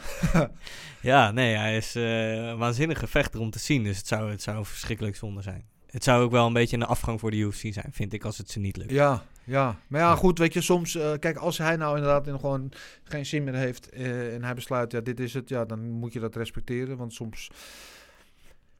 Ja, soms zit het gewoon in je dat je dat niet meer wil. Dan, dan- ja, dan, dan, dan je wil wat anders. Ik bedoel, het is geen verplichting om te blijven vechten tot je 40 bent. Toch? Ja. Ik bedoel, Nee, is ook zo. Is ook zo. dus ik hoop dat het goed gaat. En wat hij ook gaat doen, eh, wens hem eh, veel succes. Zeker, zeker. Er was ook weer wat fitty op Twitter, hè? John Jones en eh, Francis die eh, een beetje heen en weer gingen. Was wel leuk om te zien. Ja, ik, ik neem het niet heel serieus. Het is denk ik Nee. een beetje eh, hype creëren alvast voor dat gevecht wat er ooit gaat komen. Maar eh, het was wel leuk om te zien. En eh, ja, John Jones is natuurlijk altijd wel goed in die, in die exchanges op social media. Ja. Gaat soms wel een beetje ver ook daarin. Maar ja, het begon natuurlijk nu in het geval John zet, tweette geloof ik, motivate me more. Ja, ja, ja. Ja. Dat, dat begon het mee. En Ja. Francis zei van, "Bedoel, als je hier niet van gemotiveerd wordt, dan eh, weet je wat dan, waardoor dan wel, weet je wel. Eh, ja, zoek het ja. dan maar uit. En nou, toen ging ze een beetje heen en weer. Toen Beetje Francis noemde hem eh, decision fighter. ja, ja, ja. En toen ging John helemaal los, hè? Ja, want het, is, het raakte hem natuurlijk omdat er gewoon een kern van waarheid zit als het over zijn laatste partijen gaat. Dus dat was leuk om te zien, ja. Ja. En de- hij had wel goede woorden, maar je, zo- eh, omdat hij zoveel woorden nodig had, kon je wel zien dat, dat het hem toch wat deed. Ja, het zat hem wel dwars. Eerst had hij nog een beetje spelden prikken over en weer. Dat was wel Ja. grappig. En toen zei hij dat. En toen opeens, oh, we hebben hier de gevoelige snaar geraakt. Ja, ja. Ja. ja. Nou ja, het is ook allemaal goede pre-promo Eh, in de beelden op naar het gevecht. Als het er ooit komt, want het lijkt er nog steeds op dat ze mikken op eh, Derek Lewis als de volgende tegenstander Prima, van eh, Laten we dat dan maar eerst doen. Ja, en Derek Lewis die trouwens overigens beloofd heeft afgelopen weekend. Hij zegt, ik ga hem in de eerste ronde kno- knock-out staan. Ik zie het graag. Ja, en als dat gebeurt, dan is dat hele verhaal over John Jones gewoon sowieso vertabel. Ja, En man. dan kunnen we gaan praten over John Jones tegen Derek Lewis bijvoorbeeld. Bijvoorbeeld, ja, ja, precies.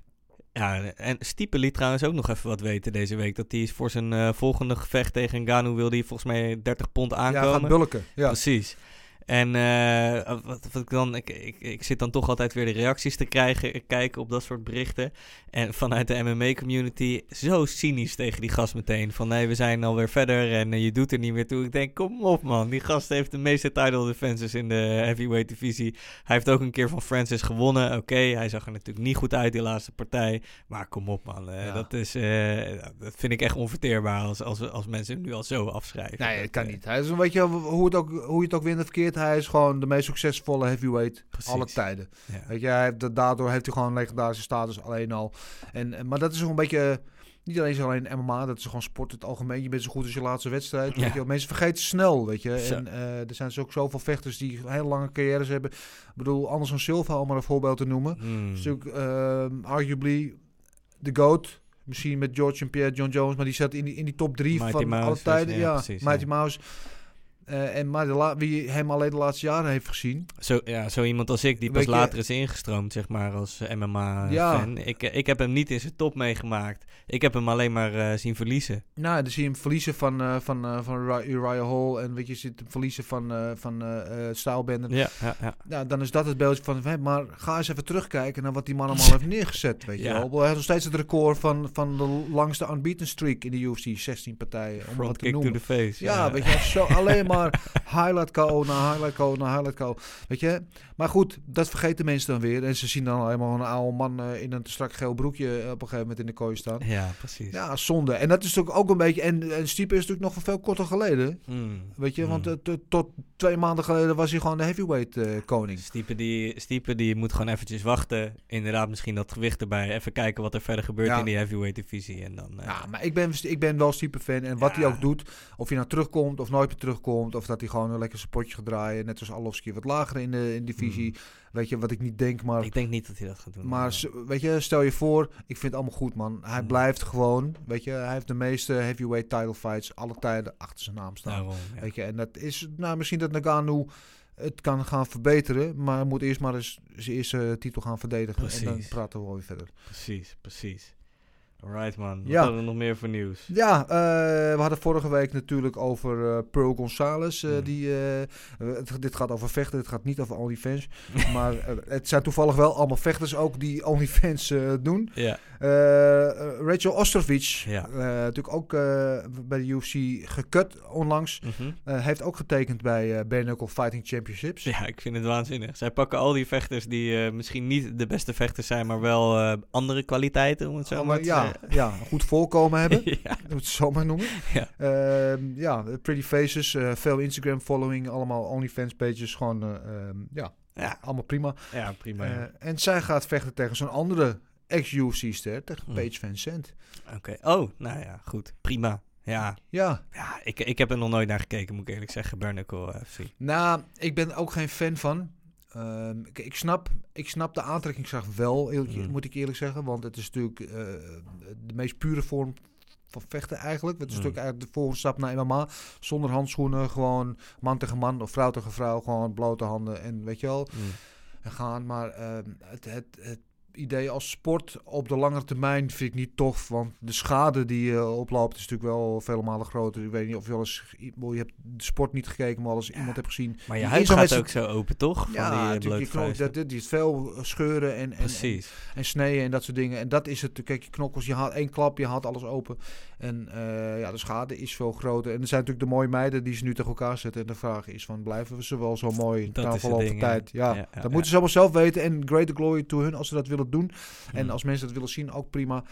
Eh, is het mijn cup of tea? Nee, dat niet per se. Maar Eh, Dennis, heb jij, al, eh, heb jij al aandelen gekocht van de UFC? nee, wel interessant hè. Ja, ze zijn natuurlijk publiek gegaan. Misschien moeten we dat gewoon doen, man.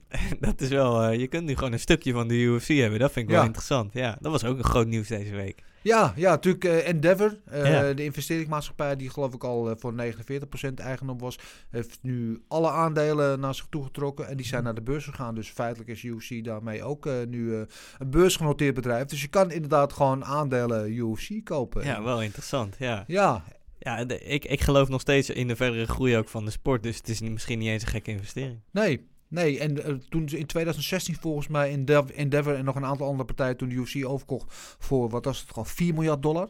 Hmm. zei iedereen van Waanzin, waanzinnig. Weet je wel, He- waanzinnig. Helemaal als je bedenkt dat natuurlijk ergens eh, eh, way back dat de, de Fertitta broers het voor 1 miljoen dollar hebben gekocht. Ja. Eh, en het is nu 4 miljard dan waard. Eh, maar ja, weet je, de sport inderdaad blijft groeien, blijft Hmm. groter worden. En helemaal afgelopen jaar heeft de UFC natuurlijk reuze stappen gezet. ja, want dat is ook het ding met dat Endeavor volgens mij. Daarom wilden ze ook de rest kopen van eh, het bedrijf. Dat zij hebben, zitten in verschillende sporten en verschillende entertainment. en eh, evenementenorganisatie, dat soort dingen, ja. En alles bloedde dood de afgelopen, de afgelopen jaren, of het afgelopen jaar in de coronatijd. Alleen de UFC werd een grote cash cow, zeg maar. Dus Ja. vandaar dat ze daar eh, meer Ja. van wilden hebben. Nou, Ja. interessant. Ja, en het was meteen, het nieuws werd bekend en het aandeel ging, ging meteen eh, de lift in. Dus eh, En je hebt natuurlijk al die fans die even een stukje willen kopen. Ja, maar het is ook leuk. Het is ook een soort van gimmick. Als jij nou echt diehard fan bent of weet je wel, ja, je vindt je draait Net als voor Ajax, weet je. Je kunt ook Ajax aandelen kopen. Ja, ja, maar lachen. het was natuurlijk Ajax aandeel. Dat ging natuurlijk in het begin ging dat heel slecht. ja. ja, de afgelopen tijd. maar nu, wel- eh, eh, nu is het natuurlijk sportief ook goed doen. Nu gaat de laatste tijd gaat dat, eh, gaat dat wel weer goed. Ja, misschien Ja. dat ik inderdaad wel een paar aandeeltjes eh UFC Ja, ga kopen binnenkort. Ik zit al jaren te denken van misschien moet ik iets in de aandelen gaan doen. Durf, durf nooit echt. Ik heb hetzelfde. Nou, tenminste sinds kort. Ja, andere podcast luisteren. Jong beleggen gaat Ja. over dat shit. Nou goed, is weer Ja. wat anders. Ja, om over na te denken. Ja. Eh, ja, verder eh, ehm, oh, positief nieuws over eh, Chris Whiteman. Die had natuurlijk vorige week die horrorblessure. Ja. waarin hij zelf hele grafische filmpjes ook op zijn Instagram zette. Denk van, wil ik dat nou wel zien? Maar toch zitten kijken uiteraard. Want ja, want ik wil het wel zien. Ja. Over eh, nou, de ritsluiting vanaf zijn knie tot aan zijn enkel. En foto's waarin je ziet hem liggen dan in, nadat die, die, die trap van Uriah Hall geeft. Dat je ziet dat het kuitbeen door zijn, eh, door zijn spieren Oh, heen steken, ja, door, zijn ja, be- ja. door zijn vel heen steken. Dat was niet zo fijn. Maar hij is geopereerd. Ehm, succesvol geopereerd. En Het ze stond hebben, weer recht. het stond weer recht, inderdaad. En ze hebben een soort van, ja, moet je het best omschrijven als een spalk, titanium spalk. Hmm. eh, van zijn knie tot aan zijn enkel Hm. erin gezet. eh, om dat bot op zijn plek te houden. En zodat het weer goed kan groeien. Eh, hij is keurig naar huis toe. Eh, eh, dus ja, hij moet natuurlijk wel een tijd revalideren. Maar hij zegt zelf, ik ben vast van plan, ik ga terugkomen. Wat er ook gebeurt. Je ziet mij op een dag weer in die kooi. Blijft dat titanium erin zitten eigenlijk? Ja, dat is een goede vraag. Want dan ben je een soort cyborg geworden. Dan ben je een soort cyborg. Chris Cyborg. Ja, maar ja, er zijn natuurlijk wel meer vechters die ook eh, eh, kunstknieën hebben en dat soort dingen zo. En die mogen ook gewoon vechten. Ja, precies. Dus ja, in principe denk ik het wel. En, en Chris Whiteman, hij zei, dat zei hij ook op Instagram. Zijn 23ste operatie die hij heeft tijdens zijn vechtcarrière. Die heeft geloof ik al inderdaad over zijn knie een keer vervangen. Die heeft iets, iets een, een, een wervel in zijn rug eh, Ja. vervangen. Die, weet je, iets in zijn nek heeft hij al een keer gehad. Die heeft echt natuurlijk ook, want voordat hij in het MMA kwam, natuurlijk jarenlang worstelen. En worstelen is ook een blessuresport, Zo. puur zang. Ja. Dus die heeft wel de nood. Ja, een soort van eh, lopend eh, medisch dossier is dat. Laten we even naar positieve nieuws gaan. Die, dat onthaal van Francis Ja, Ngannou mooi, in man. Zo, vet man. Ja, Ja, echt schitterend. Ja, Ja, man. Ja. Goed, mooi om te zien. Ja, Ja. ja, die filmpjes, die, die zit hem inderdaad eh, in zo'n pick-up truck met die belt. En dan gewoon duizenden mensen erachteraan. En ik kreeg een beetje dat gevoel van eh, toen Muhammad Ali in, eh, in Rumble Afrika in the jungle. Ja, Rumble in the Jungle. Ali, maar je. Ja, Weet je wel, dat, en, en prachtig, ja, schitterend. Ja, hoe, hoe kan je daar nou niet blij van worden? Ja, vet beelden? man. Ja, Ja. was mooi. Zo'n zo'n verslaggever, Afrikaanse verslaggever aan de kant van de weg met een camera op zich schreeuwen om boven de toeterende scooterrijders en zo uit te komen. Ja, vet. Ja, ja super. En, eh, en, en natuurlijk een mooi beeld dat hij op een gegeven moment ook de belt bij zijn moeder omdeed en zo. Ja, toen kreeg ik ook wel een heel klein eh, traantje. Ja, ontroering. Mooi man. Dat Ja. is mooi. Dat is wat je hem gunt. En dat is ook wat je, wat je het continent gunt. En Cameroen Mm. is ook een arme land. En dan een nationale held die op het wereldpodium zo zich profileert. En, en zijn roots niet verlogen. Trots is dat hij een Cameroener is. En dat komt laten zien. Dat mijn huis voelt het daardoor ook als een overwinning van, van al die mensen daar. En dat Nou. is, ja, dat is top man. Laten we hopen dat ze daar een keer een evenement gaan doen. Echt. Ja man, met die hele reis die hij heeft afgelegd, zo terugkomen. Ja, vanuit de Echt, zandmijnen. eh, ja man, echt, eh, eh, echt een film. Ja. Ja, echt een film. Die moet er nog steeds komen. We hebben nog steeds geen goede titel voor die film bedacht, maar ja, daar komen we nog wel een keertje op terug. Ja. Eh, Nick Diaz was ook weer in het nieuws eh, deze, week. Maar omdat eh, zijn manager zei dat hij niet tegen uh, Gamzat ja, Hamzat die loopt natuurlijk, eh, die heeft weer een soort van media-offensief eh, gestart. Dan denk ik van, zorg nou eerst dat je gewoon weer fit bent en weer überhaupt kan vechten. Maar eh Hamzat wil wel graag tegen Nick Diaz vechten. Ja, eh, Ik zou het willen zien. Nee man, ik zou dat echt niet willen zien. Nee, Nee. want je denkt... Nou, kijk, Nick Diaz is natuurlijk wel een legend. mhm. Grote naam. Eh, maar hij heeft zes jaar of zeven... 2014 zijn laatste partij. Ja, zeven jaar. Zeven jaar niet gevochten. Dus je kan je afvragen van wat is er nog van hem over. Zou sowieso een beetje roestig zijn. Maar ga je hem dan eh, in de kooi zetten met een killer als eh Chimaev? Nou ja, het, e- het enige ding is dat er bij, bij Gamzat ook de vraag is... wat is er nog van hem over nadat, hij, nadat hij het zo zwaar te pakken heeft gehad.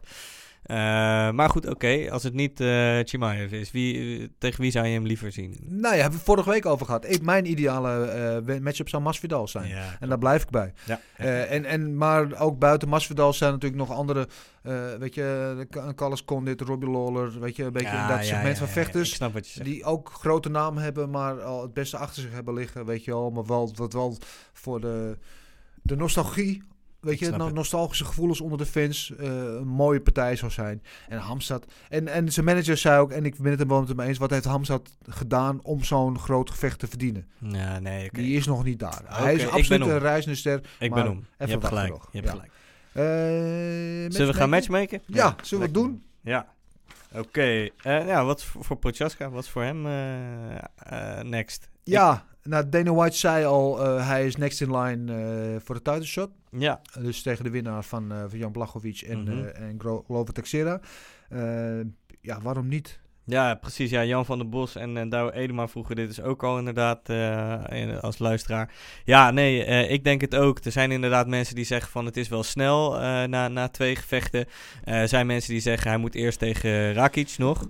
Eh, maar dat vind ik onzin. Want Ja. eh, Rakic die heeft ook pas twee partijen gewonnen nu achter elkaar. Die, die, zit nog niet in, eh, die is nog niet zo ver, vind ik. Nee, Zag er ook tegen Santos, niet zo niet goed uit. uit. En nee. je moet echt natuurlijk een statement maken voordat je een titelgevecht Ja. gaat krijgen. Zoals Chandler ook deed tegen Hoeker. En hij heeft, hij heeft echt een statement gemaakt tegen rijders. Weet je wel, als John Jones het zo moeilijk heeft met die gast. En, eh, en je maakt dan zo'n statement. eh, nou ja, zeker, dan, dan, dan verdien je gewoon die ti- titel, dat titelgevecht. En ik wil hem heel graag... Nee, we moeten natuurlijk gaan zien hoe het uh, Tessera tegen eh Blachowicz gaat. ja. Maar ik wil hem graag tegen Blachowicz zien, man. Ja, dat, lijkt me dat- geweldig. Hij zei dat ook al in zijn in zijn Zo. interview achteraf, hè, van eh, we're neighbors, Mm. we're friends, but eh, if we have to fight, we'll fight. En eh, ja, Polen tegen Tsjechië, natuurlijk een mooie wedstrijd. Het enige tegenargument wat ik hiervoor kan maken voor deze wedstrijd, want ik wil dat ook absoluut zien. Mm. Het enige tegenargument wat ik heb, eh Blachowicz, Texera is pas in september. Zo, Dus dat is best een eind weg nog. zo. Eh, Ja, dat was ik even vergeten dat Wil uh, Jiri zo lang wachten? Hm. Want dan eh heb je het september. Nou, voordat de winnaar dan, dan ben je weer eh, vier maanden verder of zo. Dus dan Ja. zitten we in 2022. We zijn bijna een jaar verder, Dan man. zijn we bijna een jaar verder. Dus met dat in je achterhoofd, Nee, je hebt gelijk. dan is het misschien niet zo'n gek idee om tegen Rakic te laten vechten. Want Rakic is natuurlijk nu de nummer twee. Ja, nou ja, Eh, nee, dan wel inderdaad. Want die heeft natuurlijk ook net gevochten. Ja, dan, Ja. Wordt het, dan, wordt het, dan wordt dat de contender fight. Eigenlijk was dit al de contender fight. ik had daar niet aan gedacht. Ja, je hebt Ja. gelijk, man. Maar ik, ik denk eerlijk gezegd eh, dat, dat, eh dat eh Prochaska de, alle ballen in zijn hoek heeft. En dat hij de keuze kan gaan maken. Dat al hij kan zeggen van ja, ik wil wachten. Dan ga ik een jaartje wachten, wacht ik op een tijdshot. Of ga ik het riskeren om misschien die plek kwijt te raken. En Ja. eh daar tussendoor nog wedstrijd te draaien. En als ik hem zo een beetje inschat, denk ik dat hij neigt naar dat laatste. Dat hij niet een jaar gaat zitten wachten. Dat denk ik ook niet. Ja, hij wil gewoon te die vindt. Ja, dat denk ik ook. Ja. Ah, ja, dan gaan, dat, dat, raak iets tegen uh, Prochaska, ook een geweldige partij. Ja, absoluut. Ja. absoluut. En ik denk wel, als wat ik nu gezien heb van hun laatste twee wedstrijden, dat laten we dat even als benchmark nemen, dat de Prochaska dat ook wel wint. Dat hij dat vrij risicoloos kan aannemen. Eh, ondertussen aangeschoven in de podcast ook eh, de man met de grootste databank eh voorradig in heel MMA-wereld. Marcel. De enige echte Marcel Dorf. Marcel, goedemorgen. Eh ja, het was, was een mooi weekend toch? Goeie zondag ook Marcel, niet? Ik dacht het wel, ik dacht het wel. Ja toch? Dat wou ik zeggen. Ja, mooi. gefeliciteerd ook eh, nog daarmee. Met de landstitel van Met Ajax. De landstitel van Ajax. Ja. Want, voor de niet-voetballiefhebbers, en dat wordt ook allemaal wel volg alles. Ja, ja. Eh, maar eventjes, Marcel, waar we het net over hebben, over Prochaska en zijn eh, volgende wedstrijd. Wat denk jij? Ja, ik had er al heel kort met je over op de, op de app. Ehm, ja, ik denk ook dat ze hem tegen Rakic gaan zetten. Puur omdat eh, de tijdlijn met eh, Jan Blachowicz tegen Teixeira, die pas laat dit jaar is, ehm, verwacht ik ook tegen Rakic. Dus eh, Ja. ja. Ja, Ja. Sterker nog, waarom doen ze dat niet op hetzelfde evenement? Hey, dat Ja. kan ook nog. Ja, Dan heb je gewoon op één avond alles duidelijk. Ja. Een soort mini-toernooi. ja zeker. Ja, Ja. ja goede, goede optie. Ja, we gaan straks even bellen met UFC. Dan gaan we dat even fixen. hey, wat gaan we met Reyes doen dan?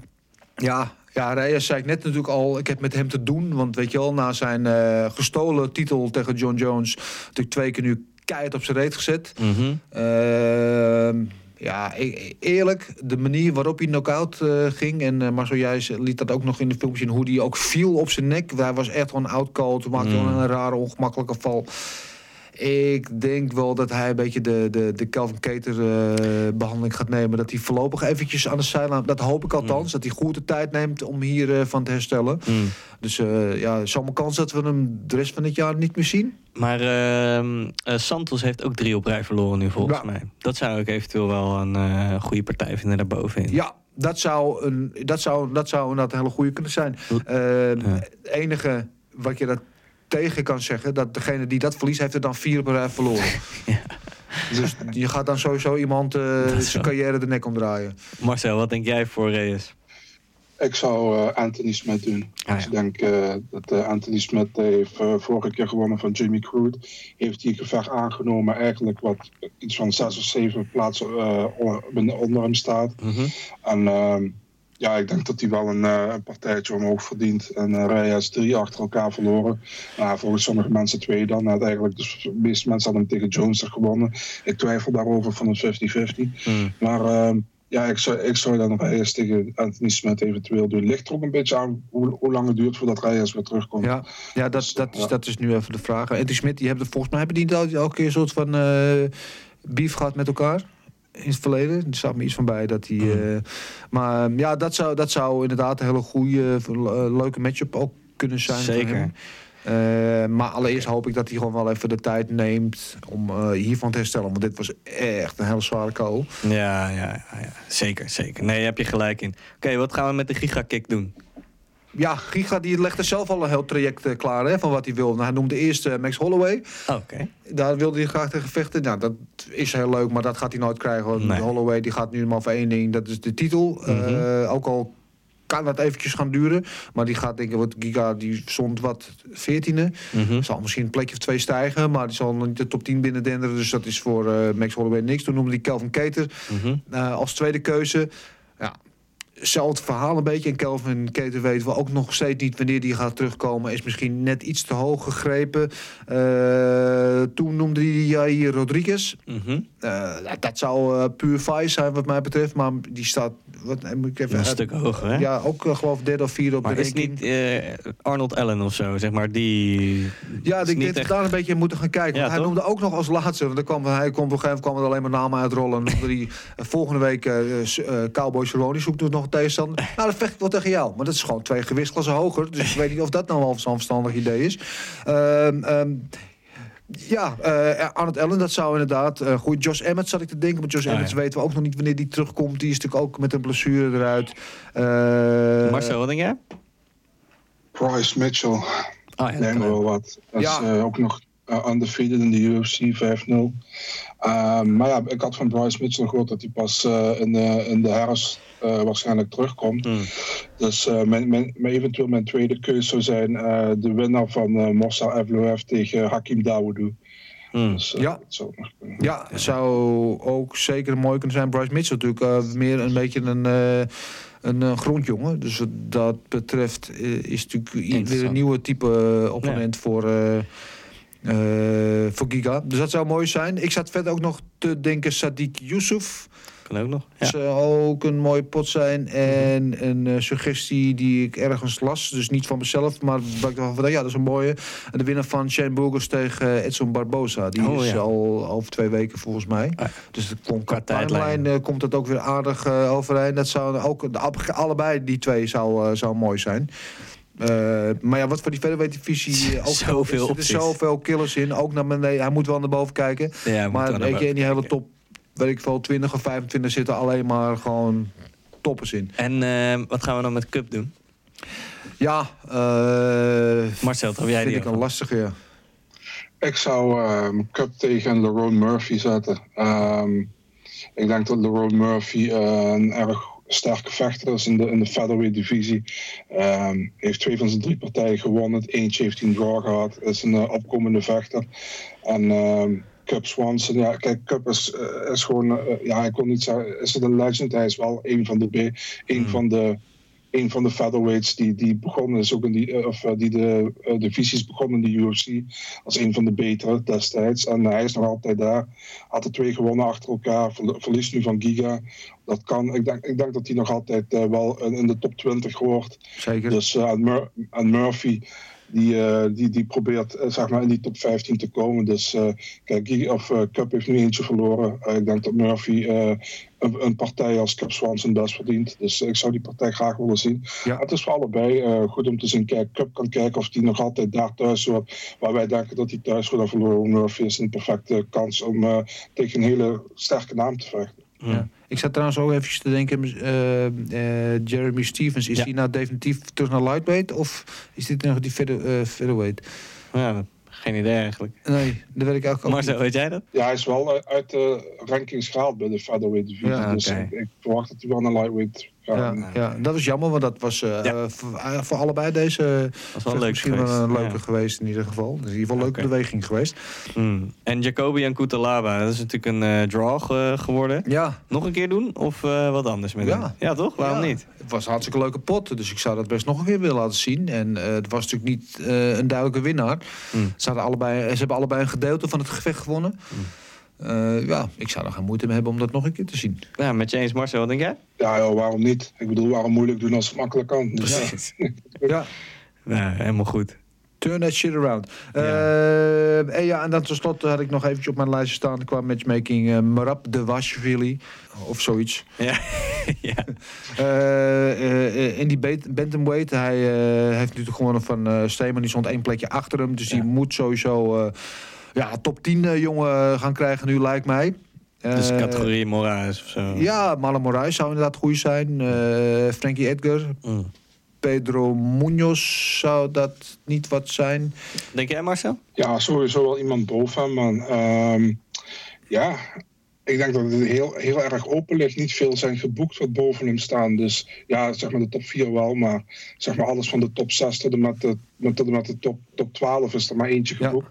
Dat is Assunção. Dus ja, ik denk ja, Pedro Munoz, Frankie Edgar, Marlon Moraes. Het is allemaal interessant. Ja. Ze kunnen ja, allemaal interessante gevechten met Ja, te maken. Dominic Cruz. Ja. Oké, cool.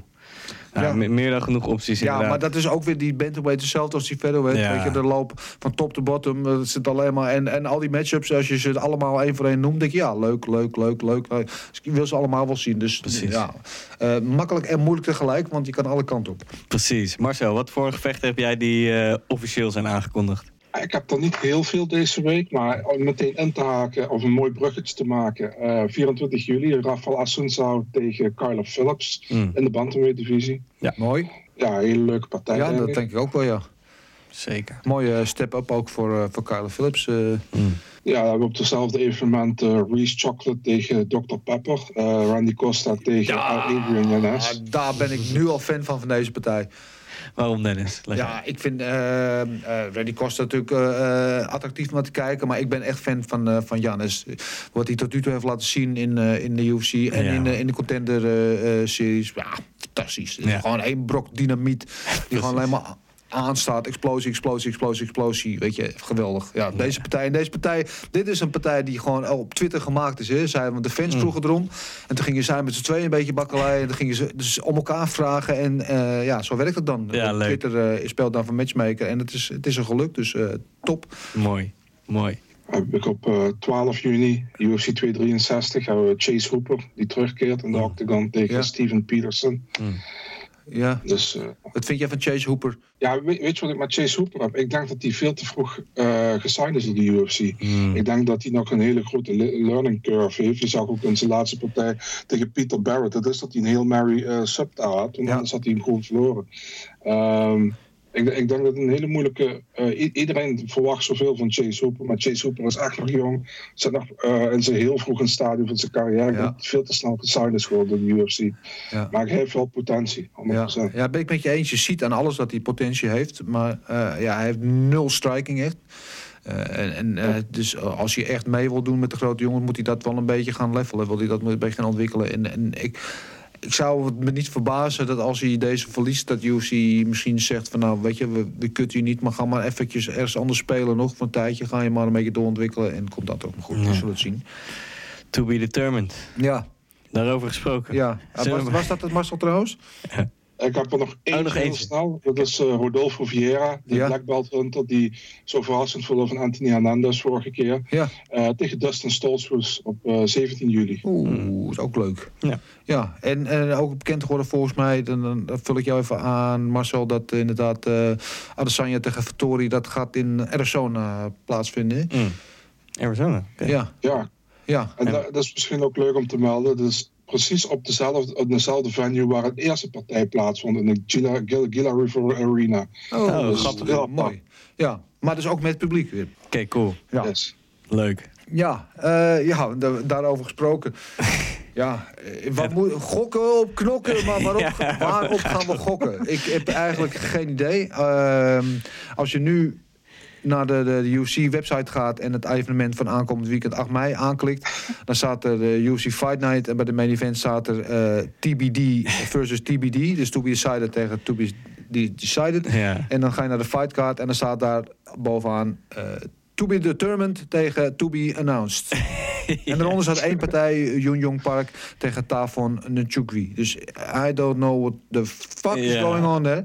Eh, we hebben natuurlijk inderdaad eh, wel wel heavy hits genomen. TJ Dillashaw zou- daar natuurlijk vechten. Ja, dat zonde. kon niet doorgaan. Ehm, eh, Cowboy Cerrone zou daar vechten tegen Cruz, of tegen Sanchez. Sanchez, Hebben we het uitgebreid over gehad. Gaat niet door. Er zou volgens mij Jeff Neal tegen Neil Magny zou op die kaart staan, maar die staat er ook niet op. Ehm, Ja, waar gaan we op gokken dan? ja, Marcel, wat weet jij nog over deze kaart? Nou, luister, het probleem is hier dat eh het main event, daar zijn ze mee bezig. Dat moet Marina Rodriguez tegen Michelle Watterson worden. En dat was eigenlijk de bedoeling om die zaterdag aan te kondigen. Alleen het probleem is dat eh, Marina Rodriguez, die heeft haar, eh, haar hoe noem je dat, Ehm, haar visum nog niet rond. Dus eh, daar zijn ze nog altijd op aan het wachten. Dat zou vandaag eventueel rondkomen. En dan verwacht ik ook dat ze die kaart aankondigen. Ehm ja, komende event zou Donald Cerrone tegen Diego Sanchez zijn. Maar ja, Donald Cerrone heeft nog geen nieuwe partij. Maar ja, hebt wel Neil Magny, Jeff Neal, Carlos Diego Ferreira, Gillespie, Ribas tegen Hill. Die zijn allemaal... Die, sta- die staan allemaal klaar. Dat gaat gewoon gebeuren. Alleen, ze hebben het nog niet aangekondigd... omdat ze mee een komende event nog gewoon niet klaar hebben. Hmm, Dus ja... Oké, ja. oké. Waar gaan we op gokken dan? Ja, zullen we in ieder geval Magny tegen Neil eh, doen? Want dat is in ieder geval wel een partij die mij op papier wel tot de verbeelding Trap spreekt. hem af, Dennis. Ja, de- bij de, de opening odds zijn daar in ieder geval in favor van eh, Jeff Neal. Misschien wel begrijpelijk, min 215 Hmm. tegen plus 170. Eh, nou, ik vind het wel een partij waarvan ik denk dat hij eigenlijk heel eh, even eh, gematcht is. En een partij uh, Neil tegen Neil, dus ik sowieso wel grappig. Ehm, ehm, wel een partij, wel, ik denk, ja, het is wel, wel aardig. En Ik vind het echt een dubbeltje op zijn kant. En ik zeggen wie dit naar zich toe gaat trekken. Ja, ik blijf aan de kant van de favorieten eh, zitten. Ik denk dat ik Jeff Neal kies. Gewoon puur omdat ik iemand moet kiezen hier. Maar ik weet het, ik weet het echt niet. Nee. Ehm, ehm, ik ga voor Jeff Neal, maar wel op, eh, op decision. Ja. Ja, ik ga dan, eh, omdat die odds zo goed zijn en het een dubbeltje op zijn kant is, kies ik voor Magny op eh, Decision. Ja, Wel split decision. Split decision? Ja. Ja. toch dat nog eventjes? Toch nog eventjes die erbij, ja. Marcel, wat denk jij? Ja, man, ehm, moeilijk. Ik denk ook heel close. Ehm, het ding is met Neil Magny. Neil Magny kan heel vervelend vechten. Als, als, als, nee, ik bedoel niet vervelend, maar voor de tegenstander heel Ja. vervelend vechten. En, Ja. en voldoende doen om die partij binnen te halen. Hmm. Ehm, Jeff Neal is wel iemand voor de toekomst, denk ik. Ondanks dat hij niet zo heel jong meer is, vind ik. Maar hij is wel iemand voor de toekomst in die divisie. Ehm, ik vind het heel moeilijk. Ik ga voor Jeff Neal. Ehm, Ja. eh, TKO, derde ronde. Mm. Maar, omdat, ja, jullie zeggen al een decision, dan ga ik maar van TKO in de derde ronde. Dus, eh, maar ik zou niet gek gaan opkijken als Magny die partij wint. Want Nee. hij, hij, hij kan gewoon een partij gewoon doodmaken en hem naar zijn kant op laten vallen. Dus Ja, ja ze zitten alle, komen allebei van, eh, van een verliespartij. Dus eh, ze zijn hun bounceback partij, ik maar zeggen. Ja. Eh, ehm, ja, het, het is een partij die, die zo... Daarom ook maakt het me wel heel interessant. Maar om nou te zeggen wie de bovenhand in deze partij heeft... ik durf het echt niet te zeggen. Nee, daarom. daarom. Oké, waar gaan we nog mee op? Eh, ja, er is eigenlijk nog maar één partij op deze kaart waar odds van bekend zijn. En dat is eh, Angela Hill tegen Amanda Ribas. En daar is Ribas eh, toch wel de favoriet met min 225 opening odds. Tegen plus 188 voor Angela Hill. Ondanks dat heel erg goed uitzag in de laatste partij. Ja, misschien wel het beste dat ze er ooit heeft uitgezien. Eh, Dus daar ben ik dan wel heel benieuwd naar. Of Ga je een gokje nemen? Ik, ja, ik, Toch niet? ik neig erg naar, naar, naar Ribas hier. Ja. Ehm, maar vanwege de odds ben ik wel geneigd om een, eh, om een gokje te nemen naar Angela Hill. Ehm, Ze gaat geen finish krijgen, dat sowieso niet. Ehm, maar ik denk wel dat zij hier een decision uit het vuur Hmm. zou kunnen trekken. Kan, in, eh, in theorie. Dus jij gaat voor Decision voor... eh, voor... Voor Hill. Marcel, denk jij? A, ik denk niet dat heel de kwaliteit heeft om van Ribas te winnen. En B, kan niet over mijn hart voor krijgen om tegen Ribas te gaan. Dus, eh, man, heb je er wel eens het gezien? Heb je wel eens het interviews van haar gezien, man? Ik, eh, ik, ga gaan, man. Sorry, het spijt me. Eh, nee, gewoon, ik denk ook gewoon dat zij gewoon qua ground game is er sowieso veel meer skilled dan Angela Hill. Ik denk dat Angela Hill misschien wel een voordeeltje heeft qua staand, maar ik verwacht dat Amanda Ribas haar naar de grond gaat halen. Ja. En misschien wel drie rondes lang. Dus ik verwacht dat ze een deci- decision wint. Ja, nee, dat is inderdaad. mee. Eh, ga jij maar eerst voordat ik je voor Ja, zeggen. ik ga, eh, ik ga dan voor een submission in de tweede ronde van eh, Ribas. Submission tweede ronde. Ja, dat is natuurlijk het gevaar. eh, inderdaad, in deze partij weet heel het op de, op de voeten te houden. Dan zal zij inderdaad misschien de overhand hebben. Op de grond lijkt het me een duidelijk verhaal. Eh, maar ja, ik vond er inderdaad, wat ik zeg van heel vorige keer, zoveel progressie maken opeens. En eh, het haar probleem is dat ze af en toe wel een beetje weerbarstig is in de Mm. prestatie. Dus de ene partij dit en dan de volgende partij weer eh, Mhm. een stuk minder. Dus laten we hopen dat ze nu en eindelijk de klik te pakken heeft. Dat ze Mm. misschien die, die stijgende lijn erin weet te houden. En dan kan het wel eens een hele interessante wedstrijd worden. En eh, dat was het voor zover het gok op het knokken. Voor de rest eh, is er niks bekend. Ehm, ja, Ja, het is wat het is. gaat het evenement eigenlijk wat door, denken jullie? Of wat? Ja, dat zal wel goed komen, toch? Ja, Ja. Zie ik, dat, dat komt wel goed. Marcel, praat ons even wat moet doen. Ja, ja, man, 100%. Ik bedoel, kijk, als de, als de main event en de komen niet doorgaat, kun je nog altijd Neil Magny tegen Jeff Neal als main event Ja. maken. Dus, Ja, daar kan je eh, wel mee voor de dag komen ook. Jawel. Ja. Ja. Ja. Oké, nou. Ja, ik wou zeggen, we hebben er zin in. Ah, we hebben er nog steeds wel zin in. Ik heb er altijd zin in. Kijk, nu denk ik, maar dat is ook een beetje het, het probleem. Hè? Want dan hadden we, voor- wat we net zeiden, vorige week hadden we natuurlijk dat copieuze zeven, Ja, zeven ja. gangen diner. Eh, en de afgelopen weekend hadden we de snackbar. Ja. Eh, maar de snackbar smaakte ook goed. En nu? Eh, ja, maar dit Leftovers. bijna met een leeg maag naar bed lijkt het. Want er is niet zoveel. Maar misschien, weet je, de kaarten waar je het minst van verwacht... Dat is zijn waar, vaak het leukste. Althans, die vallen vaak heel erg mee. Precies. Misschien ook wel. Juist omdat het verwachtingspatroon zo laag is. Maar er gebeuren gekke dingen vaak. Er gebeuren altijd gekke dingen. En er staat altijd wel iemand op. Weet je, dit is zo'n kaart. Daar heeft iemand die heeft iemand nodig die opstaat en gewoon eh, de kaart redt. Mm. En eh, laten we hopen dat die ergens op deze kaart staan. Al weet ik bij god niet wie er nog meer allemaal op de kaart staan. We gaan het zien, man. We gaan het allemaal zien. Eh, voor nu, Marcel, dank je wel. Ja, man. Dankjewel, Marcel. Geniet nog even na. En geniet van je vrije maandag. Sowieso, man.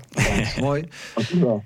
Sam, jij ook weer bedankt. Ja, Eh, tot de volgende. Jullie allemaal weer bedankt voor het luisteren. Zoals gezegd, eh, de hoofdzaken die eh, volgt nog deze week. En eh, zoals altijd, als je vragen hebt voor ons... is het over de matchmaking, is het over eh, nieuwsdingetjes die je hebt gezien... of over de wedstrijden van aankomend weekend... stuur ze in of via een van onze social media kanalen... of via info.vechterspasen.tv over de mail. En dat was het voor deze week. En dan zeg ik tot nu, mazzel. Later. Everything is possible in your life when you believe. I'm not God or none, but I just baptized two individuals back to back. You, you know, they're, they're selling you all wolf tickets, people. You're eating them right up. Just give me location. Every day I send Dana White message. Hey, where's my location? Hey, pussy, are you still there? I wouldn't like to do that fight again. Oh, Go around there, where I was a fine ass at.